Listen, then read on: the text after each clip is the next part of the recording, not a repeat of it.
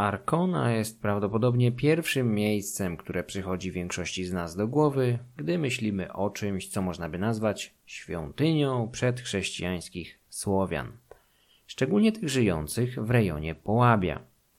Warto jednak wziąć pod uwagę, że złote lata, a raczej złote stulecie świątyni rugijskich ranów rozpoczęło się dopiero w drugiej połowie XI wieku – Wcześniej serca i umysły lokalnych pogan kierowały się raczej ku tajemniczej Radogoszczy, zagubionej gdzieś w puszczach kraju Redarów, jednego z plemion Związku Wieleckiego. Zagadka, jaką była Radogoszcz, od setek lat czeka na swojego odkrywcę – gdyż w przeciwieństwie do rugijskiej Arkony, lokalizacji metropolii Redarów nigdy nie zidentyfikowano z całą pewnością, co jest o tyle dziwne, że nie była ona zwykłą, lokalną kąciną. Niemiecki kronikarz Adam z Bremy określał ją terminem metropolia, który w świecie chrześcijan zarezerwowany był jedynie dla siedzib arcybiskupów. W dzisiejszym odcinku udamy się na poszukiwanie zaginionej świątyni w Radogoszczy. W drugiej połowie X wieku wydawało się, że niezależność walecznych plemion wieleckich została ostatecznie złamana przez saskich najeźdźców i razem z pozostałymi plemionami słowiańskimi zostaną one wchłonięte przez rozrastające się święte Cesarstwo Rzymskie, znane potocznie jako Pierwsza Rzesza, zdominowana przez plemiona saskie.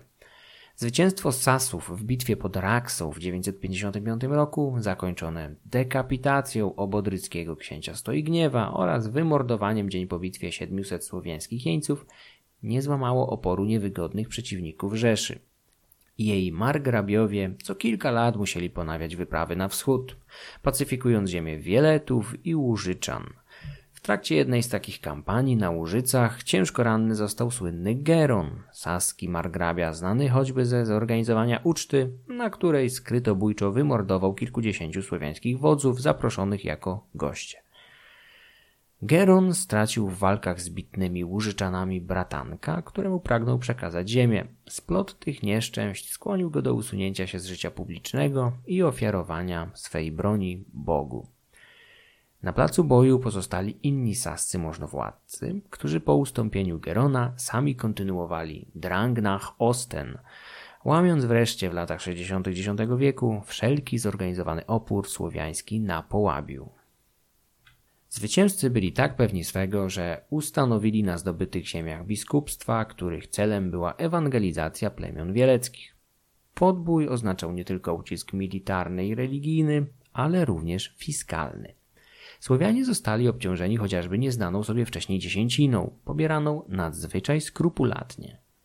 Te oraz inne powinności materialne wzbudziły nienawiść wśród Słowian, o których wyzysku wspominał nawet zazwyczaj nieprzychylny im Titmar. Podobnie późniejszy kronikarz Helmold widział przyczyny konfliktów w zachłanności saskich możnowładców, bardziej zainteresowanych korzyściami materialnymi aniżeli nawracaniem pogan. Stopniowa chrystianizacja i germanizacja ziem Wieletów postępowała aż do niespodziewanej katastrofy, jaką dla Sasów stanowiło powstanie z roku 983.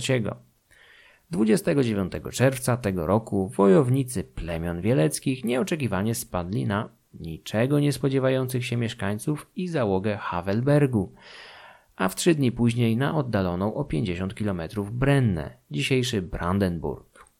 W obu grodach wymordowano saskie załogi, duchownych i ludzi znanych ze sprzyjania Niemcom. Zdobyciu miast towarzyszyły liczne okrucieństwa, a Wieleci nie mogąc pochwycić lokalnego biskupa, który przytomnie umknął zawczasu ze strefy zagrożenia, wyładowali swoją wściekłość na zwłokach jego poprzednika, od trzech lat leżącego w trumnie. Zaskoczenie było tak wielkie, że praktycznie żaden kronikarz nie wspomina o jakimś zorganizowanym oporze. W Brennie doszło wręcz do rejterady miejscowego margrabiego Teodoryka razem z jego oddziałem. Powstanie z 983 roku powstrzymało i opóźniło ostateczną aneksję Połabia na ponad 100 lat. W latach 80. prawdopodobnie nikt w Rzeszy nie spodziewał się, że ten zryw będzie miał tak daleko idące konsekwencje. Zatrzymanie niemieckiej ekspansji w 983 roku nie było jedynym efektem udanego powstania. Zryw niebagatelnie podniósł prestiż organizujących go plemion wieleckich oraz przewodzących im kapłanom. Od tego czasu rośnie również znaczenie świątyni Swarożyca Radogosta w Radogoszczy, leżącej w krainie Redarów, jednego z plemion stanowiących skład organizacji znanej jako Związek Wielecki. Związek ów składał się z czterech sąsiadujących ze sobą plemion Redarów, Chyżan, Czrespienian i Tolężan. Informacje o ustroju, kulturze czy religii tych ludów, jakimi dysponujemy, są szczątkowe, a większość pochodzi dopiero z przełomu X i XI wieku oraz czasów późniejszych. Z całą pewnością związek czterech plemion był dość luźny. Nie posiadały one silnej władzy zwierzchniej, a najważniejsze kwestie rozwiązywano na wiecach. Była to typowa demokracja plemienna w ówczesnej Europie rządzonej głównie przez dziedzicznych monarchów bądź książąt, stanowiąca wyjątkowy anachronizm. Po powstaniu z 983 roku w źródłach przestaje się używać terminu wieleci, zamiast którego pojawiały się lucice. Stąd też w ten właśnie sposób będę tytułował wszystkie cztery plemiona, o ile nie będę mówił o którymś z nich w szczególności. Być może na skutek powstania książęta wieleccy utracili swe dotychczasowe znaczenie, zastąpieni przez kapłańską teokrację, która zainicjowała przemianowanie dotychczasowej nazwy związku. Możemy jedynie snuć przypuszczenia na ten temat. Najobszerniejszy opis Radogoszczy, kraju Redarów, zawdzięczamy bezcennej relacji Titmara z Merseburga. Swoje dzieło pisał on już na początku XI wieku, więc przedstawiało ono sytuację po zwycięskim powstaniu z 983 roku. Kronikarz niechętnie pisze o poganach, którymi wyraźnie gardzi, ale jak zapewnia, jeżeli już pisze, to robi to, aby uzmysłowić drugiemu czytelnikowi, jak zabobonny i ohydny jest ich kult. Titmar w szóstej księdze swojej kroniki pisze – jest w kraju Redarów pewien gród o trójkątnym kształcie i trzech bramach doń wiodących, zwany Radogoszcz, który otacza zewsząd wielka puszcza, ręką tubylców nietknięta i jako świętość czczona. Dwie bramy tego grodu stoją otworem dla wszystkich wchodzących. Trzecia, od strony wschodniej, jest najmniejsza i wychodzi na ścieżkę, która prowadzi do położonego obok i strasznie wyglądającego jeziora. W grodzie znajduje się tylko jedna świątynia, zbudowana misternie z drzewa i spoczywająca na fundamencie z kości dzikich zwierząt. Jej ściany zewnętrzne zdobyły różne wizerunki bogów i bogiń. Jak można zauważyć, patrząc z bliska, w przedziwny rzeźbiony sposób. Wewnątrz zaś stoją bogowie zrobieni ludzką ręką w straszliwych hełmach i pancerzach, każdy z wyrytym u spodu imieniem – Pierwszy spośród nich nazywa się Swarożyc i szczególnej doznaje czci u wszystkich pogan. Znajdują się tam również sztandary, których nigdzie stąd nie zabierają, chyba że są potrzebne na wyprawę wojenną i wówczas niosą je piesi wojownicy. Dla strzeżenia tego wszystkiego z należytą pieczołowitością ustanowili tubylcy osobnych kapłanów. Kiedy zbierają się tutaj, by składać bożkom ofiary lub gniew ich przebłagać, kapłani jedynie mają prawo siedzieć, podczas gdy inni stoją. Szepcząc sobie wzajemnie tajemnicze wyrazy, kopią z drżeniem ziemię, ażeby na podstawie wyrzuconych losów zbadać sedno spraw wątpliwych. Po zakończeniu tych wróżb przykrywają losy zieloną darniną i wbiwszy w ziemię na krzyż, dwa groty od włóczni. Przeprowadzają przez nie z gestami pokory konia, którego uważają za coś największego i czczą jako świętość. Rzuciwszy następnie losy, przy pomocy których już przedtem badali sprawę, podejmują na nowo wróżbę. Przez to niejako boskie zwierzę.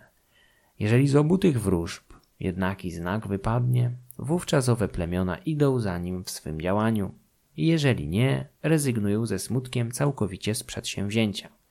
Ze starożytności, którą fałszowano przy pomocy różnych błędnych opowieści, pochodzi świadectwo, że ilekroć grożą im srogie przykrości długiej wojny domowej, wychodzi ze wspomnianego wyżej jeziora wielki odyniec i pianą połyskującą na białych kłach i na oczach wszystkich tarza się z upodobaniem w kałuży wśród straszliwych wstrząsów. Ile okręgów w tym kraju, tyle znajduje się świątyń. I tyleż wizerunków bożków doznaje czci od niewiernych. Między nimi jednak wspomniany wyżej gród posiada pierwszeństwo. Gdy na wojnę ruszają, zawsze go pozdrawiają. Gdy szczęśliwie z niej powracają, czczą go należnymi darami i przez losy oraz przez konia, jak wyżej powiedziano, pilnie badają, jaką ofiarę stosowną winni kapłani złożyć bogom. Niemy gniew bogów łagodzą ofiary z ludzi i z bydła. Ten długi fragment ma dla nas nieocenioną wartość, gdyż zawiera mnóstwo informacji. Dowiadujemy się z niego, że Redarowie, na których ziemiach stała świątynia w Radogoszczy, czcili w niej wielu bogów i wiele bogiń. Ale to Swarożyc wysuwał się na prowadzenie pod kątem znaczenia. Imion pozostałych bogów i bogiń kronikarz niestety nie przekazał, a może ich w ogóle nie znał. Jest to klasyczny przykład tak zwanego henoteizmu, systemu wierzeń pomiędzy politeizmem a monoteizmem, gdzie ciągle mamy wielu bogów, ale jeden zaczyna dominować nad całym towarzystwem. Podobną sytuację obserwowaliśmy na Rugi, gdzie każda miejscowość miała swoją kącinę z jakimś lokalnym bożkiem lub herosem z dawnych czasów, ale to świętowit był tym, którego uważano za patrona całej wyspy.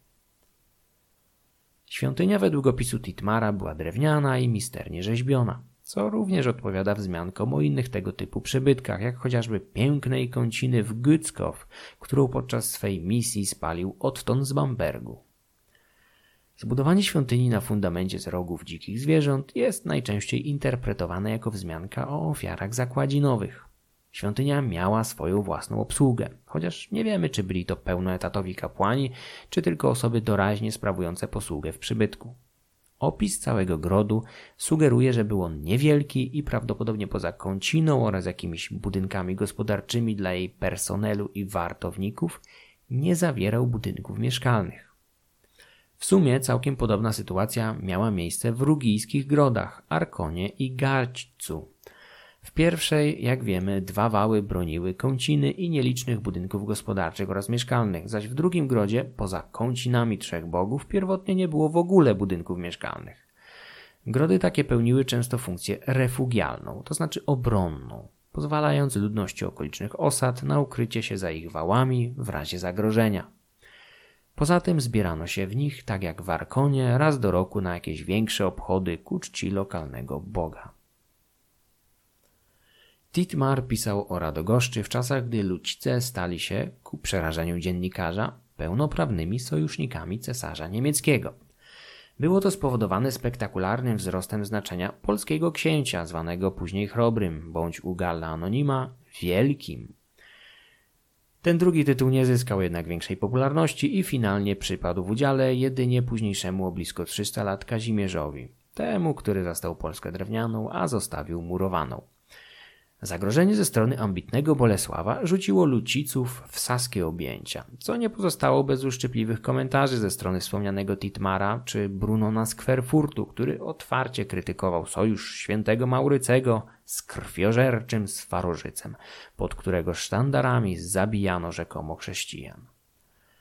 Słowianie połapscy często popełniali karygodne błędy dyplomatyczne, ale w tej sytuacji raczej nie można im zarzucić lekkomyślności, gdyż polski Bolesław był dla ich niezależności zagrożeniem pewnie nawet większym aniżeli niemiecki cesarz Henryk II. Jeden i drugi pragnęli ich wchłonąć w granice swoich państw, a następnie poddać jak najszybszej chrystianizacji połączonej ze zniszczeniem wszelkich pamiątek po religii i zwyczajach ich przodków. Z tym, że początkiem XI wieku to Bolesław Chrobry działał energiczniej od Henryka. Sojusz Luciców i Sasów miał charakter szorstkiego małżeństwa z rozsądku. Niby razem, ale namiętności ani śladu. Podczas jednej z wspólnych wypraw przeciwko Polakom w 1017 roku jeden z Sasów złośliwie cisnął kamieniem w sztandar, tak zwaną stanicę poświęconą jednej z najważniejszych bogiń Luciców. Kamień uszkodził tkaninę, co wywołało wściekłość Słowian oraz ich gorące protesty u samego cesarza. Ten ostatni, aby uniknąć porzucenia przez nich sojuszu, musiał wypłacić im wysoką rekompensatę w srebrze. Pomimo tego bogini chyba nie zadowoliła się tak trywialnym prezentem jak 12 talentów srebra. Niedługo po uszkodzeniu jej sztandaru wyprawę spotkało kolejne tym razem poważniejsze nieszczęście. Podczas przeprawy przez wezbraną rzekę Muldę nurt porwał ludzi niosących sztandar, a widząc to, doborowy oddział 50 luciców odpowiedzialnych za jego ochronę rzucił się do wody, aby ratować świętą stanicę.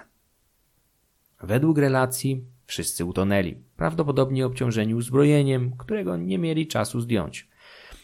Powyższe wydarzenia skłoniły szeregowych Słowian do wiary w złą wróżbę i dopiero usilne nalegania elit skłoniły pospólstwo do wspierania cesarza w jego wyprawie, która jak wiemy zakończyła się niepowodzeniem.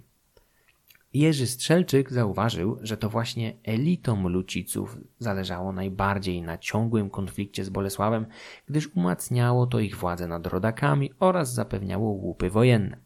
W tym momencie polski książę był dla nich nawet większym zagrożeniem od cesarza, gdyż ten drugi przesunął ciężar swojego zainteresowania na Italię, gdzie stykały się interesy jego cesarstwa, papieży, Saracenów oraz Bizantyjczyków. Połabie było póki co poza sferą bezpośredniego zainteresowania niemieckich monarchów i mogło cieszyć się chwilową ciszą przed nadciągającą burzą. Śmierć Bolesława Chrobrego i następująca wkrótce po niej dezintegracja monarchii Piastów, atakowanej ze wszystkich stron, oddaliła zagrożenie, jakie czyhało na Luciców z Polski. W efekcie więzy egzotycznego sojuszu Luciców i Sasów rozplątały się i z czasem obie strony wróciły do naturalnego antagonizmu. Już w 1030 roku Lucice ruszyli na wspólną z Polakami wyprawę w odwecie za najazd Konrada II, jakiego dokonał na Polskę w roku poprzednim w zemście za zaczynający tę nową wymianę ciosów najazd Polaków z 1028 roku. Od lat 30. XI wieku Lucice pozostaną w defensywie wobec cesarstwa, ale uda im się jeszcze zaznać kilku wzlotów. Największym z nich była bez wątpienia bitwa pod zamkiem Przecława na Połabiu w 1056 roku, w której udało im się otoczyć i unicestwić całą saską armię ekspedycyjną. Zwycięstwo było olbrzymie i często przyrównuje się je do polskiego triumfu pod Grunwaldem. Podobieństw jest więcej, bowiem tak jak w przypadku batalii z zakonem krzyżackim, tak i Wiktoria Przecławska nie została należycie wykorzystana. Właściwie to została kompletnie i bezmyślnie zmarnowana przez samych zwycięzców, którzy najprawdopodobniej zaczęli się kłócić o łupy i wpływy. Szczegóły wydarzeń znamy dzięki Adamowi z Bremy oraz Helmoldowi z Bozowa, którzy informują nas, że rok po zwycięstwie nad Sasami, dwa z czterech plemion wchodzących w skład Związku Lucickiego, mianowicie Chyżanie i Trzespienianie, odłączyli się od Redarów i Tolężan, prawdopodobnie nie chcąc znosić dłużej dominacji tych ostatnich plemion. Redarowie i Tolężanie uważali się za ważniejszych, opierając swoje przekonanie na posiadaniu świątyni w Radogoszczy, siedziby Swarużyca Radogosta, którego wsparciem tłumaczyli powodzenie wypraw wojennych. Doszło do wyniszczającej wojny domowej, w której Trzespienianie i Chyżanie trzykrotnie pobili Redarów i Tolężan. Pokonani, nie mogąc pogodzić się z wynikiem starć, wpadli na skrajnie nieodpowiedzialny, by nie powiedzieć idiotyczny pomysł i do konfliktu zaprosili trzech władców chrześcijańskich. Króla Danii, księcia Saskiego oraz księcia Obodrytów, Gotrzalka. Taki sojusz wzmocniony pogańskimi redarami i tolężanami bez problemu rozbił w proch buntowników. Pokonani nie dość, że zapłacili chrześcijanom olbrzymi trybut, to zostali również wcieleni do państwa obodrytów rządzonych przez chrześcijańską dynastię. Związek Luciców nie przestał istnieć. Jego duchowe serce nadal biło w Radogoszczy, a sprawujący nad nią kontrolę Redarowie ciągle wspominali, jak jeszcze niedawno rozbijali całą saską armię. Niestety po odpadnięciu dwóch plemion z północy siła militarna organizacji znacznie zmalała, a dowieść tego miały wydarzenia następnych lat. W 1066 roku skrytobójcy zamordowali chrześcijańskiego księcia obodrytów Gotrzalka, a Połabie znowu stanęło w ogniu. Przez ziemię obodrytów przelała się fala pogańskich buntów, których ofiarami padali głównie chrześcijanie związani z pokonaną władzą. Książę Gottschalk był solą wokół nie tylko pogańskim lucicom, ale także saskim wielmożom, stąd można zakładać, że jedni i drudzy mogli maczać palce w jego zabójstwie – Powstanie przyniosło pewne początkowe sukcesy poganom, ale żaden z nich nie przyniósł im propagandowej sławy. Ze szczególną zgrozą odebrano mord szkockiego biskupa Jana, pojmanego w Mecklenburgu. Po kilkumiesięcznej męce, torturach i poniżeniach starca doprowadzono do Radogoszczy, gdzie redarowie zabili i rozczłonkowali biskupa, a jego głowę ofiarowali w darze Swarżycowi. Oburzeni Sasi nie pozostali dłużni i prędko podjęli wyprawy odwetowe. W trakcie jednej z nich, wzmiankowanej w Annales Augustiani pod rokiem 1068, zdołali zimą dotrzeć do Radogoszczy, zwanej w źródle Redą, i zniszczyć ją doszczętnie. Nie wiemy, czy była to błyskawiczna akcja zorganizowana przez niewielki oddział, który nie bacząc na zagrożenie wniknął w głąb kraju Redarów, czy też element większej kampanii. Źródła są tutaj zbyt enigmatyczne. Wiemy jedynie, że w akcji brał udział biskup Burchard z Halberstadt, który zdobytą Radogoszcz miał opuścić jadąc na grzbiecie konia z Farożyca. Koń słowiańskiego boga służył mu jako wierzchowiec podczas powrotu do Saksonii, co było niesłychanym upokorzeniem dla pokonanych pogan, gdyż jak wiemy Rumaka nie mógł dosiadać żaden śmiertelnik, a szczególnie chrześcijański duchowny. Z tego samego okresu pochodzi drugi znany nam opis Radogoszczy pióra Adama z Bremy. Autor używa dla określenia przybytku nazwy retra, stąd mamy już Radogoszcz, Redeł i Retrę. Według Adama z Bremy sanktuarium bardzo różniło się od tego wzmiankowanego kilkadziesiąt lat wcześniej przez Titmara. Zamiast trzech bram miało mieć ich dziewięć. Zamiast na brzegu jeziora miało być w całości otoczone jego wodami. Dostęp do świątyni ułatwiał drewniany most. Wewnątrz budynku zaś miał znajdować się złoty posąg Radogosta przykryty purpurowym baldachimem. Ten krótki opis siedziby pogaństwa, jak zwie Retre Adam z Bremy, powstał prawdopodobnie po roku 1075, czyli kilka lat po jej zdobyciu przez biskupa Burharda. Jego niezgodność z opisem Titmara od lat jest powodem dyskusji i dociekań. Dlaczego obaj kronikarze tak bardzo różnili się w opisie kąciny?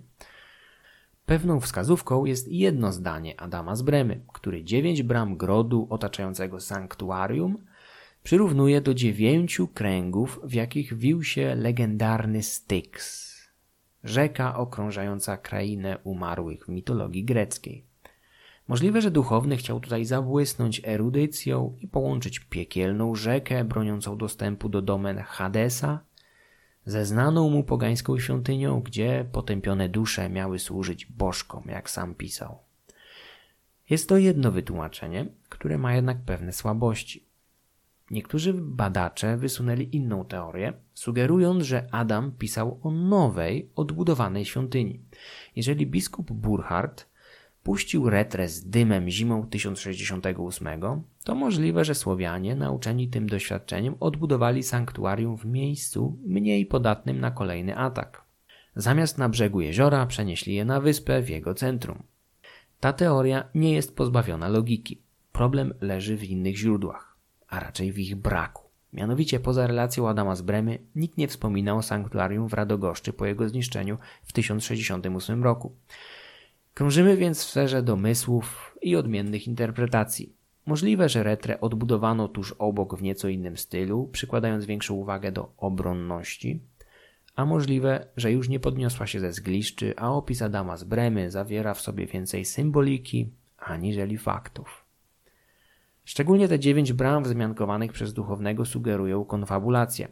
Bramy były zawsze najsłabszymi elementami obwarowań dawnych grodów i zamków, stąd nigdy nie przesadzano z budowaniem ich w liczbie większej, aniżeli było to konieczne. Oczywiście gród mógł mieć kilka bram, ale dziewięć miałoby sens tylko w bardzo rozległej warowni zajmującej wiele hektarów. W przypadku małego grodu broniącego jedynie kąciny i kilku budynków gospodarczych, do tego ulokowanego na wyspie oblanej wodami jeziora, budowanie dziewięciu bram byłoby zabiegiem oderwanym od rzeczywistości. Zagadką Radogoszczy są nie tylko dwa, wydawałoby się sprzeczne ze sobą opisy jej wyglądu pióra XI-wiecznych kronikarzy. Sama lokalizacja sanktuarium do dzisiaj nie została odkryta. Nic nie wskazuje, aby jakiekolwiek źródła pisane pomogły nam rozwiązać tę zagadkę. Z pomocą przyjść może jedynie tak zwane świadectwo łopaty, czyli archeologia. Istotną pomocą w próbach lokalizowania Radogoszczy była relacja Adama z Bremy, który notował, że Retra leżała cztery dni drogi od Hamburga na wschód. Ponieważ podróż z Hamburga do Wolina trwała zazwyczaj 7 dni, przyjmowano, że sanktuarium musiało leżeć również 3 dni marszu na zachód od słynnego grodu nad Zalewem Szczecińskim. Poszukiwania zaginionego grodu Redarów prowadzone były od późnego średniowiecza, bowiem już w 1378 roku Ernst von Kirchberg podejmował próby połączenia jej z dzisiejszym Deminem. W późniejszych stuleciach takich prób było jeszcze więcej. Niemiecki autor Eckhard Unger naliczył w 1958 roku łącznie 30 potencjalnych lokacji, z jakimi łączono zaginioną retrę od czasów von Kirchberga aż do lat 50. XX wieku. Niemal wszystkie znajdują się w obecnej Mecklenburgii po Morzu Przednim, ale zdarzały się nawet sugestie wybiegające poza ten region, jak Szczecin i Stargard Szczeciński. Zdecydowanie bardziej prawdopodobną lokalizacją jest niewielka wyspa Fischer Insel, położona w południowej części jeziora Tollensee. Liczne badania archeologiczne przeprowadzone na jej powierzchni zaowocowały odkryciem pozostałości słowiańskiej osady z XI-XII wieku oraz słynnej rzeźby tzw. Tak bliźniaków z Fischer Insel, przedstawiającej zrośnięte ze sobą postacie o bliżej nieustalonej tożsamości. Czasami można się spotkać z interpretowaniem ich jako pary mitycznych bliźniaków Lela i Polela, ale naturalnie jest to bardzo umowna teoria. Fischer Insel leży w sercu dawnego Związku Luciców, pośrodku jeziora, które mogło być tym wzmiankowanym przez Titmara oraz Adama z Bremy. Problemem jest brak przekonujących pozostałości budynku, który mógłby być jednoznacznie zinterpretowany jako miejsce kultu. Obecnie większość badaczy podejrzewa, że Radogoszcz leżała gdzieś nad jeziorem Tollensee, a oprócz wyspy Fischerinsel w grę wchodzą miejscowości takie jak Reze, Wustrow, Lencen, Nemerow, Broda czy Prilwitz. Na dawnym Pułabiu zachowało się bardzo mało toponimów, które można by połączyć z nazwami sanktuarium przekazywanymi przez kroniki, czyli Redą, Retrą lub Radogoszczą. Stąd prawdopodobnie próbowano z dawną Retrą łączyć malutką niemiecką miejscowość Ried, leżącą tuż przy polskiej granicy nad jeziorem Nowowarpieńskim, połączonym z Zalewem Szczecińskim. Nazwa nosi pewne podobieństwa do zaginionego grodu, a na wspomnianym jeziorze, niedaleko od stałego lądu, znajduje się również niewielka wyspa. Problem w tym, że ziemie te leżałyby daleko od centrum terenów zamieszkiwanych przez Redarów i Tołężan, którzy według ustaleń Volkera Schmidta zamieszkiwali tereny okalające jeziora Tollensee oraz Lips, czyli 70 km od wspomnianej Rity. Na jeziorze Lips przylegającym od południa do jeziora Tollensee również znajduje się niewielka wyspa Hanfwerder, na której znaleziono ślady słowiańskiego osadnictwa, z tym, że podobnie jak w poprzednich wypadkach są to jedynie fundamenty niewielkich budynków o powierzchni nie przekraczającej 20 m2, które mogły być zwykłymi chatami. Czaszki turów i konia znalezione pod jednym z tych budynków mogą być łączone z relacją Titmara, który wspominał o rogach zwierząt pod Radogoszczą, ale z drugiej strony podobne ofiary zakładzinowe składano pod budynkami o różnym przeznaczeniu. W rejonie jeziora Lips, tuż naprzeciw wyspy Hanfwerder, w miejscowości Uzadel, znaleziono pozostałości znacznie większej budowli o nieregularnej powierzchni około 220 m2, położonej pośrodku dawnej nekropolii. Charakter kultowy znaleziska jest jedynie przypuszczalny i mocno dyskusyjny, więc nie można go uznać za zaginioną retrę. Na przestrzeni lat próbowano jeszcze odnaleźć sanktuarium w miejscowości Rena nad rzeką Radegast niedaleko Lubeki, bądź połączyć z nią słowiańską osadę w Grossraden. Renę od Tolensee dzieli jednak 140 km, a Grossraden około 90 stąd obie teorie są mocno naciągane. Najprawdopodobniej zgodnie z ustaleniami Volkera Schmidta oraz zdecydowanej większości archeologów, Retra leżała gdzieś nad Tollensee bądź jeziorem Lips. Póki co wspomniana wcześniej wyspa Fischer Insel wydaje się być najbardziej prawdopodobną lokalizacją sanktuarium. Radogoszcz ciągle czeka na swojego odkrywcę. Skoro legendarna, homerycka Troja doczekała się swojego Szlimana, to może i zagadka położenia zaginionej metropolii Redarów również znajdzie wreszcie zadowalającą odpowiedź. Rozwój archeologii oraz towarzyszących jej metod poszukiwania śladów dawnych kultur daje jeszcze szansę na odkrycie Radogoszczy bądź dodatkowe poparcie jednej z już proponowanych lokalizacji. W przygotowaniu tego odcinka szczególnie pomocne były książki. Slavonic Pagan Sanctuaries Leszek Paweł Słupecki. Po tamtej stronie Odry Jerzy Strzelczyk. Kroniki Titmara z Merseburga oraz Adama z Bremy. Chciałbym z całego serca podziękować wszystkim patronom tego podcastu, dzięki którym powstaje więcej dłuższych odcinków. Szczególnie zaś patronom w randze Peruna i Welesa, Jagodzie, Rafałowi, Adzie, Maciejowi, Mateuszowi, Pawłowi, Piotrowi, Krzysztofowi. Słuchacze mogą dobrowolnie wspierać ten podcast poprzez Patronite. Link jak zawsze w opisie odcinka. Za wsparcie w każdej wysokości jeszcze raz dziękuję.